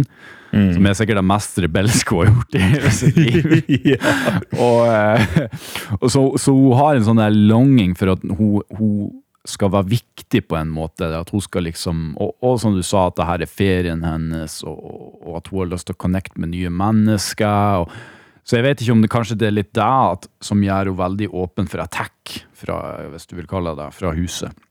Så det er de to som opplever det først. Mens mennene er veldig sånn, og Luke han tror ikke på noe i det hele tatt. Mens han professoren han er jo sånn, jeg skal bevise at det er noe overnaturlig, så jeg endelig får anerkjennelse. Mens, men så er han veldig skeptisk allikevel, sjøl om han er For han går nå bare rundt der når de, når de åpner den døra når, etter de har hørt den bankinga, så kommer de der to mennene forbi døra, og så uh, What's going on here? Altså de bare sånn, Hørte dere ikke lyden? Og så bare What sound? så de er jo Han er jo ikke veldig åpen i begynnelsen, da. Nei, nei. Som jeg tror er det at han er veldig sånn her logisk, da. Han skal liksom, Det skal være en logikk i, i, i det her eh, Som for meg er bare sånn Med en gang jeg tenker på det sånn Hvis det finnes spøkelser og hauntings, så er det, det er jo ingen logikk i det. Nei, og, eh, men det eh, det virker liksom sånn at Dr. Markway er mer som fascinert av de små tingene, sånn som cold spots. At det er liksom en plass der det er veldig kaldt, og så har jo denne, eh, denne harpa, eller hva det var for noe. Eh, der, der liksom så så ofte så begynte han å spille litt av seg sjøl og sånt. Så han, han, han er veldig interessert i disse små tingene som han prøver å dokumentere. Da. Men, med en gang liksom alt av det eksplosive som Eleanor og Theodora opplever, da, da virker det som at han uh, ikke har helt tro på at det For det er kanskje litt for fantastisk til å være sant. Da. Men uh, som vi ser, så vil jo alle som opplever det mot slutten av filmen. Ja, for han er jo redd for at Leonora Nei, Leonora eh, Nell eh, har et sånn mental breakdown, fordi hvis hun har det hvis det er en, Han sier hvis det er en av tingene her som er oppdikta, så kommer hele eksperimentet til å bli sett ned på Ja. og på en måte debunka. Så han er veldig opptatt av at det her skal liksom bli scientifically proven. Som jeg tror er feil holdning å ha her. Og det gjør jo òg at han er litt blind for de faktiske farene som de er. Hvis de er i noe fare, for det er jo det som er spørsmålet. Er, er det, jeg vet, altså, til syvende og sist så kan du jo spørre deg sjøl er det her i hodet til, til Nell. Ja, Ikke alt, altså- men noe. Nei, men det er jo det som er interessant med liksom den psykologiske vinklingen til filmen, er jo at uh, vi hele tida er i hodet til Eleanor. Uh, alt vi ser og hører, er jo fra hennes perspektiv. Vi flytter aldri over til noen andre karakterer. Det er alltid fra henne. Og det er jo da du liksom jeg blir litt sånn tvilende på uh, er, er alt dette ekte, eller er det bare fantasi? For dette vet vi aldri helt. Og du kan jo liksom si ja, men Theodora er jo der og, og er vitne. Men igjen, dette er ting som skjer om natta. Det kan like godt bare være en drøm, noe hun ligger og drømmer om. Vi veit ikke. Eh, Det er liksom åpen for tolkning. Ja, eh, og i hvert fall de, de ekstreme eksemplene. Altså vi, det er jo som du sier, Han finner jo den der cold spoten som, som Luke bare sånn It's a draft! It's a draft! og så finner han liksom ikke hvor det er en draft ifra, men, eh, men altså de finner de her mer sånn casual tingene, men ikke det her ekstreme som eh, Eleanor og, og, og Theodora opplever. Og det har jo òg litt med at um, de, de her to karakterene skal jo knyttes sammen òg, for det er kanskje mer tydelig i, novellen, men det er jo absolutt her, eh, hvis du tenker på at dette er en film fra 60-tallet, at eh, det er noen lesbiske tensions mellom de to karakterene. Eh, og mest sannsynlig eh, Ja. Altså, eh, Theodora er jo åpenbart eh, lesbisk, vil jo jeg si. Eleanor er vel kanskje litt tvilende, men uh, ja. Ja, hun er vel kanskje eh, biseksuell, fordi hun er jo litt opptatt av han dr. Markway, helt til hun finner ut at han er gift, og er da jo ikke så kjekt lenger. Eh, Men det tror jeg kanskje òg er mer fordi hun er ute etter oppmerksomhet. Ja, Eh, og da blir jo hun Theodora blir kanskje litt misunnelig til og med, derfor hun kanskje behandler henne litt sånn dårlig. ja. Men det er jo veldig tydelig i novellen at det er det Shirley Jackson skal fram til, da, at Eleanor er- og Theodora har et eh, forhold.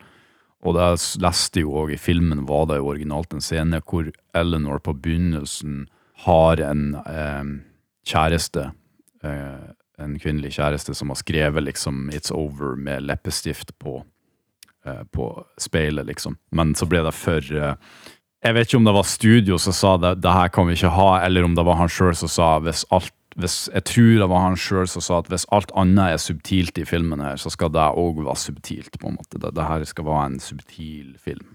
Mm, mm. Som for så vidt jeg tror det passer greit med resten av filmen. Ja, for det, for det er jo ikke det som er pointen, eller, eller Nei. Nei. Det, men men, det, men det, det hjelper jo med å gjøre filmen litt mer eh, samtidsaktuell, da, kan du si. Den, eh, og, Ja. og, og før sin tid, selvsagt. Ja, altså er det jo eh, I boka så vil jeg jo si at der er det jo ganske viktig, egentlig. Eh, Og det er ganske viktig i filmen òg i forhold til eh, karakteren eh, Eleanor. Eh, at Mm. hun er veldig For hvis hun er, er bifil, sånn som jeg tror kanskje hun er i filmen her, så sier de meg jo at, at hun da kanskje har vært veldig usikker. I tillegg til at hun altså, Og hun er så usikker i absolutt alt i livet, ikke sant? Eh, Mm. Hvor hun er hen eh, i forhold til frihet. og Det bare bygger også opp under den karakteren som allerede er der, da. Eh, at hun er en kvinne med en stor bagasje. Emosjonell og psykologisk bagasje. Ja. Og det blir jo til og med hinta til at kanskje hun drepte sin mor, eller ikke drepte, men, men ikke hjalp hun mot slutten, sånn at hun døde. Ja, jeg, jeg vil jo tro at det skjedde noe i, i samme dur som uh, datter til Hugh Crane, som uh, lå i sjukesenga og, og, og banka med stokken og prøvde å få hjelp, men ingen kom. Uh, Ja. Jeg vil tro at Eleanor kanskje gjorde noe i, i, i samme gata. at hun for Hun nevner jo òg dette her, eh, denne dunking og sånt, at hun ofte ble vekt opp av det og, og måtte komme og hjelpe. og sånt, og Jeg tror på et eller annet punkt så, så kom hun ikke. Hun, hun ga faen, rett og slett, og, og lot mor si dø. Ja. Uh, og det er nok kanskje litt, litt av grunnen til at hun, hun uh, blir passa på. For det er jo dette her at hun, hun er stuck hjemme med, med søster si, og, og de vil ikke la henne få reise og sånne ting, for de har vel kanskje skjønt da at uh, at et eller annet galt skjedde på slutten her. Eh, at, hun, at hun ikke er stabil nok til å reise av gårde alene på noe. Ja, jeg tror jo du, eh, du er nok inne på noe der. For hun, eh, hun har jo en, en stor bagasje, selv om hun kan virke veldig eh, Ja, normal blir feil, feil ord å bruke, men veldig sånn til stede, da. Mm. Veldig ofte. Men så med en gang noe skjer som, som Det trenger ikke være av en spøkelsesaktig natur, men at det skjer at hun kanskje blir forlegen, eller at noen sier noe som hun tåler, så blir hun veldig fort eh, enten sint eller lei seg, eller hun, hun, hun reagerer veldig sterkt. Og da sier vi at hun er litt sånn ustabil. Ja. Og det er jo det som er, altså det er jo det, hele filmen her er jo en, en, en psykologisk reise, både i Eleanor, men i de andre karakterene også. Det er jo det som er interessant med filmen, eh, og så er det gjennom en linse av at det er et spøkelseshus, da. Eh, Mm. Men det er jo det som er interessant med filmen. Da. Ja. Og jeg, jeg syns jo filmen har jo et fantastisk eh, rollegalleri. Eh, jeg syns jo alle disse karakterene er jo fantastiske. Altså Dr. Markway som lett kunne ha blitt en litt sånn typisk sånn der uh, mad doctor. At han liksom han skal gå til ekstreme lengder for for å finne ut av, om det er spøker og sånt. Men han er en veldig sånn jordnær type og veldig sånn eh, ikke en sånn eksplosiv eh, kar. Uh, og, og, og andre karakterer, liksom Min favorittkarakter i filmen er jo her Mrs. Dudley. Uh, som ikke er så mye med i filmen, men eh, hun er så morsom. for hun hun liksom hele tiden skal prøve å skremme folkene og sånt. Og sier sånne ting liksom eh, I leave before the dark comes, so there won't be anyone around if you need help. No one can hear you if you scream in the night. Isn't that so, Mrs. Dudley? No one lives any nearer than town. No one will come any nearer than that. In the night. In the dark. In the night. In the dark. Og jeg synes Jeg cracker opp hver gang jeg ser henne. for hun- Og er veldig sånn on point. liksom En scene der eh, Markway og Eleanor prater, og så, og så skjer noe av Mrs. Dudley i bakgrunnen. Og sier liksom I'm making lunch at 11. I'm not waiting. Og de hører ikke på, og hun bare repeterer og repeterer, og til slutt så bare sånn Dr. Markway bare sånn Mrs. Dudley! Å, jeg syns det er så bra. Ja, jeg, jeg er helt enig. Jeg, er bet merke i den scenen når hun bare står Hun bare står i bakgrunnen og repeterer det samme. De har liksom et moment som er skikkelig viktig, og så sier han Mrs. Dudley. Oh my god. Ja, det er humor. Det er humor i denne Ja, filmen i tillegg. Det er definitivt. Um, og den er jo faktisk um, Jeg kommer på, den er jo spilt inn i England, faktisk. Oh, ja. Um, fordi at MGM i USA ville gi han én million for å spille inn denne filmen. For han var under Mm. kontrakt. Uh, så for han til så han for til MGM i, i England, hvor de ville gi han 1,05 millioner. Uh, men han fikk masse sånne her tax breaks og sånn, som gjorde at Mm. budsjettet egentlig blir større enn enn 1 million, for var, han mente han trengte det, da. Og det er jo, Mm, mm. million er jo ikke mye, egentlig. No, no. Så, eh, så den er spilt inn i England, eh, som sikkert eh, Det er jo kanskje derfor det føles veldig engelsk ut, det her landskapet, da. Men uh, Men jeg synes det er interessant at jeg må ikke glemme at uh, på, på et av tidspunktet her så, så var jo Alhai Robert Wise en ganske veletablert uh, filmregissør. ja. Eh, så, og jeg syns Ja, for han, han hadde jo lagt West Side Story eh, Mm. et par år før eh, The Hunting, som var jo en megahit når han kom ut. Uh, Ja. Og, og ja, ja, The Day The Earth Stood Still, for eksempel. eh, Mm. Et av de største science fiction-filmene som kom på 50-tallet.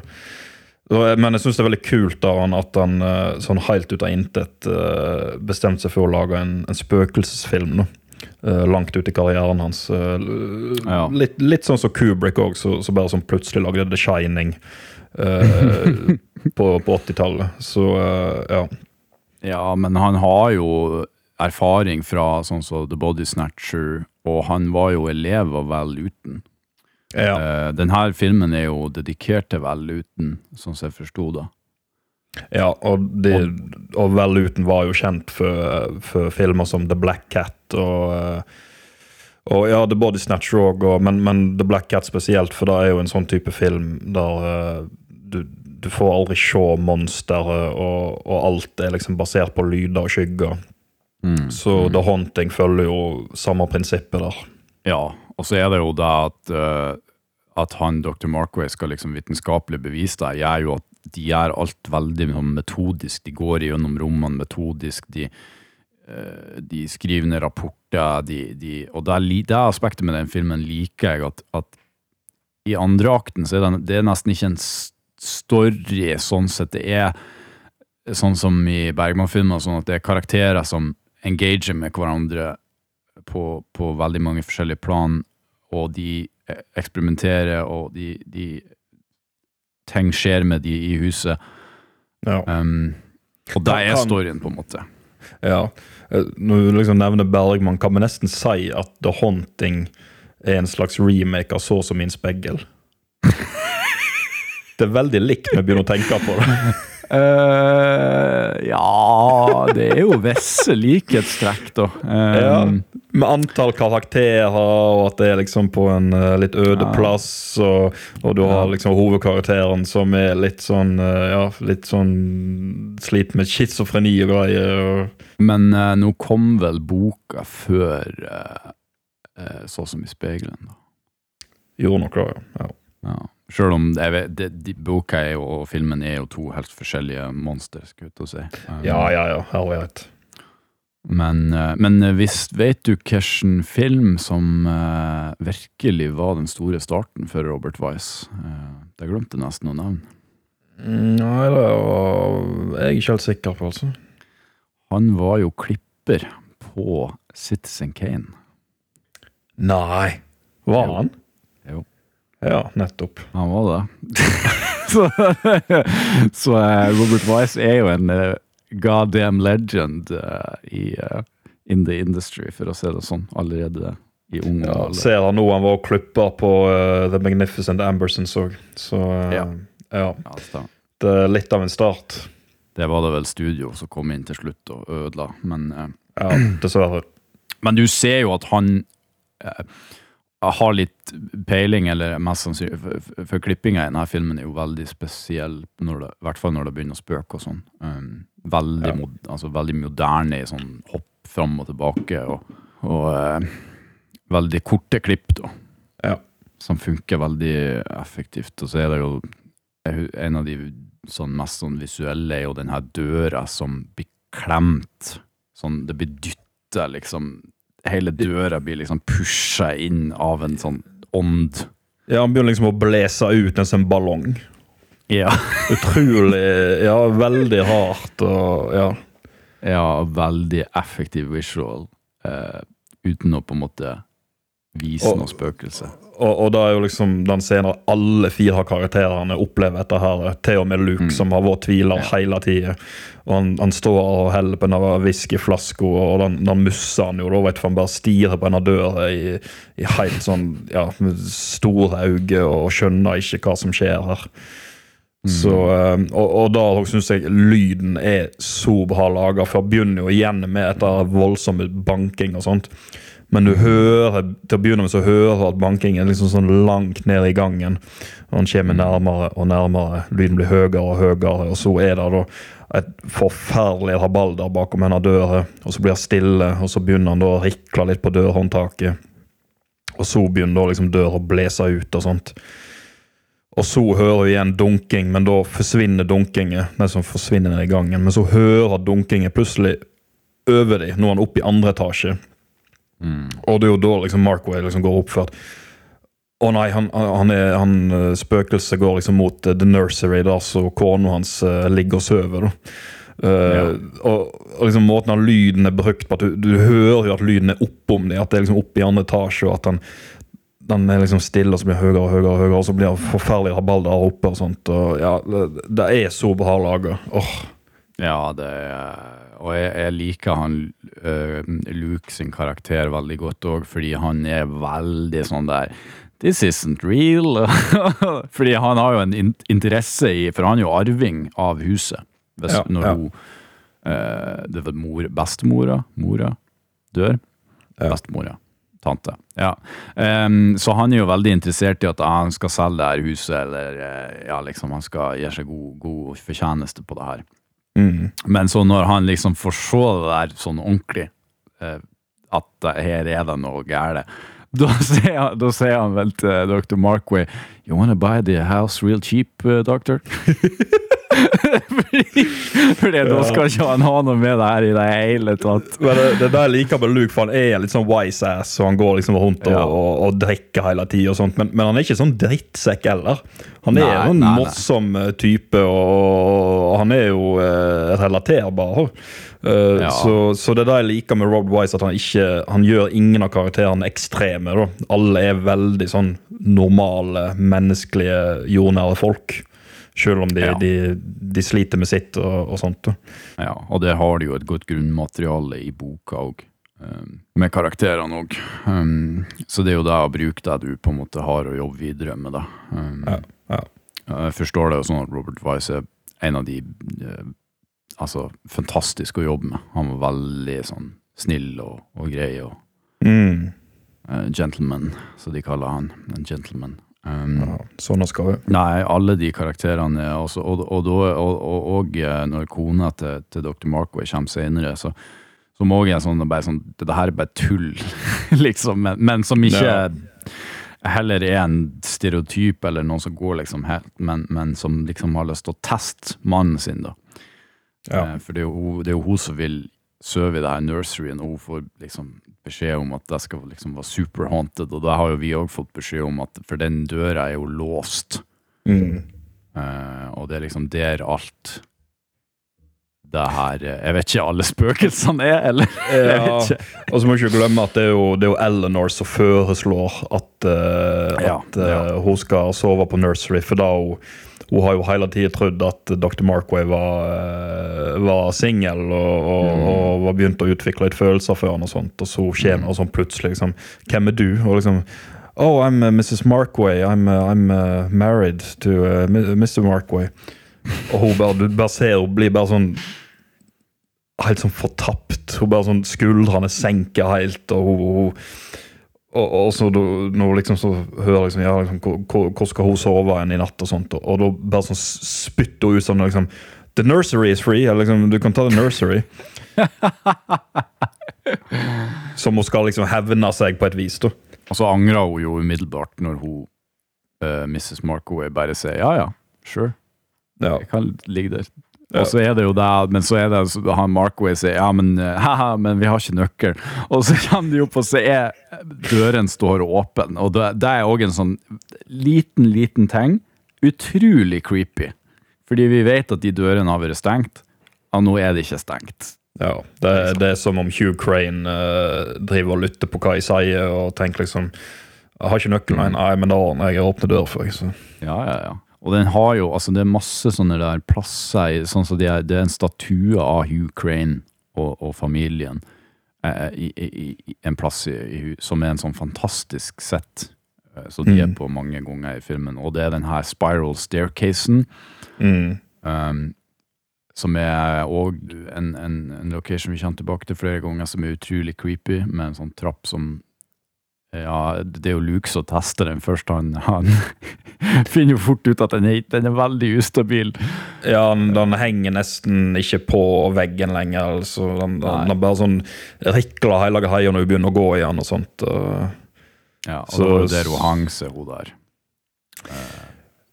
Ja, hun, Way back, eh, way back. ja, hun som var da eh, sånn eh, hjelpepleier for, for datter til Hugh Crane. Da. Hun som uh, drev og Mm. elska med en mann, mens uh, hun uh, drev og dunka med stokken og, og tvang hjelp. Jeg vet ikke om vi skal om, det, om vi skal gå inn i spoilers nå, eller om, om det i det hele tatt er vits å gjøre det. Eh, jeg, jeg vet ikke. Nei, altså, jeg, jeg føler vi har jo sagt såpass mye om filmen at uh, Mm.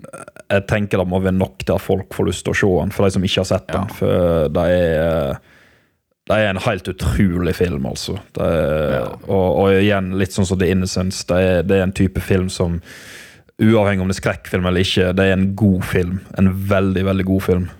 ja, Som, som jeg absolutt vil anbefale alle å få sett. Det er, ja. Og å se han i rette setting, eh, helt sånn som jeg gjorde med, med skikkelig høststorm, regn og vind og mørke. Da er, da er filmen i sin prima setting, rett og slett. Ja, det blir ikke bedre enn det.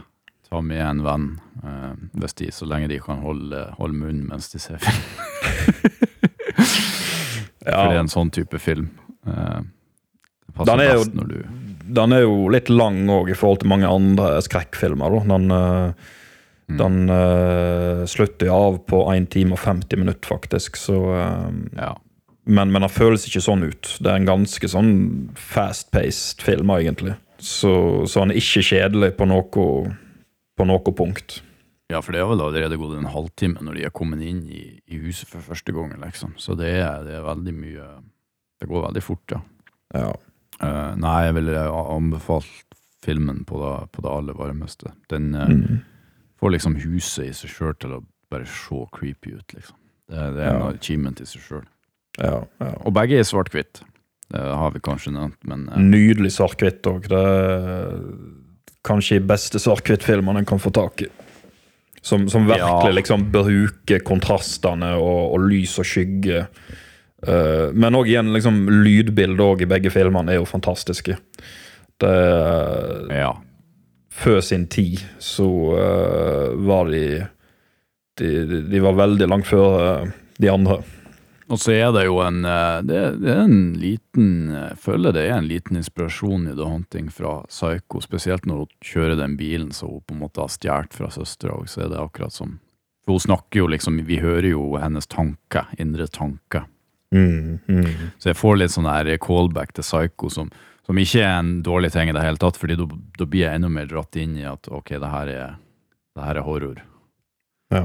Men eh, jeg er litt nysgjerrig på Du trenger ikke å svare på det, altså, men, eh, men hva er din favoritt av de her to, hvis du, hvis du skal velge en? Det, du trenger jo ikke å velge en, da. Nei, The, The Haunting, uten tvil. Eh, det, var den første jeg så, det var den som gjorde størst inntrykk. eh, men, men jeg tror òg Hadde jeg sett Innocence først, så hadde jeg kanskje likt den bedre. Men, eh, men eh, The Haunting har liksom i, i ti år nå hatt enormt enorm stor betydning for meg. Og, og en film som jeg kommer tilbake til hvert eneste år. Så, så den er definitivt min favoritt. da. Eh, men, uh, men hva med deg, da? Kan du si at filmen har hånta deg? Ja! Bokstavelig talt, ja. Nei, jeg, jeg tror egentlig jeg er enig med deg at det her er to ekstremt sterke filmer i samme på en måte kategori og landskap, og det er jo derfor det er en double feature her. Og, og, eh, men jeg tror nok jeg må også gå for sånn ren nostalgia, eh, sånn som, som du gjør med å si The Haunting, fordi Mm. det var den første, og fordi you know, jeg har gode minner med den. Og, men jeg tror òg det er fordi jeg, jeg, jeg, jeg connecter kanskje litt, litt grann mer til, til den storyen, uh, altså den temaen og, og den karakteren, Mm. uh, enn jeg gjør. Og det er ikke for å si at, at The Innocent Det handler bare om meg personlig, og det jeg liker, og sånn, at, at det, det, bare klikker litt grann mer. Men altså, begge to Ja. er mesterverk. Ja. Så det er liksom, du må ikke Begge to er mesterverk. Se begge to. Ja. enkelt. ja. Er det, er, liksom nå ute i oktober er det en dag der heggene og litt storm og litt småkjølig og sånt. Finn masse stearinlys og, og slå av eh, taklyset. Og, og sett på The Innocence og The Haunting. Eh, samme hva, hva rekkefølge, bare sett på de to. Eh, garanterer at det er en fantastisk opplevelse. Og eh, noe som kommer til å henge igjen livet ut. Det, du får ikke sagt det bedre enn det. Men da tror jeg det er bare å si eh, følg oss på Instagram, følg oss på Facebook og på Letterbox, som vi blir å legge ut liste på i løpet av oktober. Eh, lytt til de andre episodene som er ute. Og så vil vi takke for at du hørte på. Og så håper vi at vi høres igjen seinere. Sett på noen gode skrekkfilmer, og så får du ha en videre god aften. I am Dracula. I bid you well. It's alive! It's alive! It's alive! It's alive! We all go a little mad sometimes. Haven't you? They're coming to get you, Barbara. Crazy to know who I am, aren't you? All right, I'll you. What is that? Hi, I'm Chucky. Wanna play? Whatever you do, don't fall asleep. Now's your chance to. Well, we've warned you.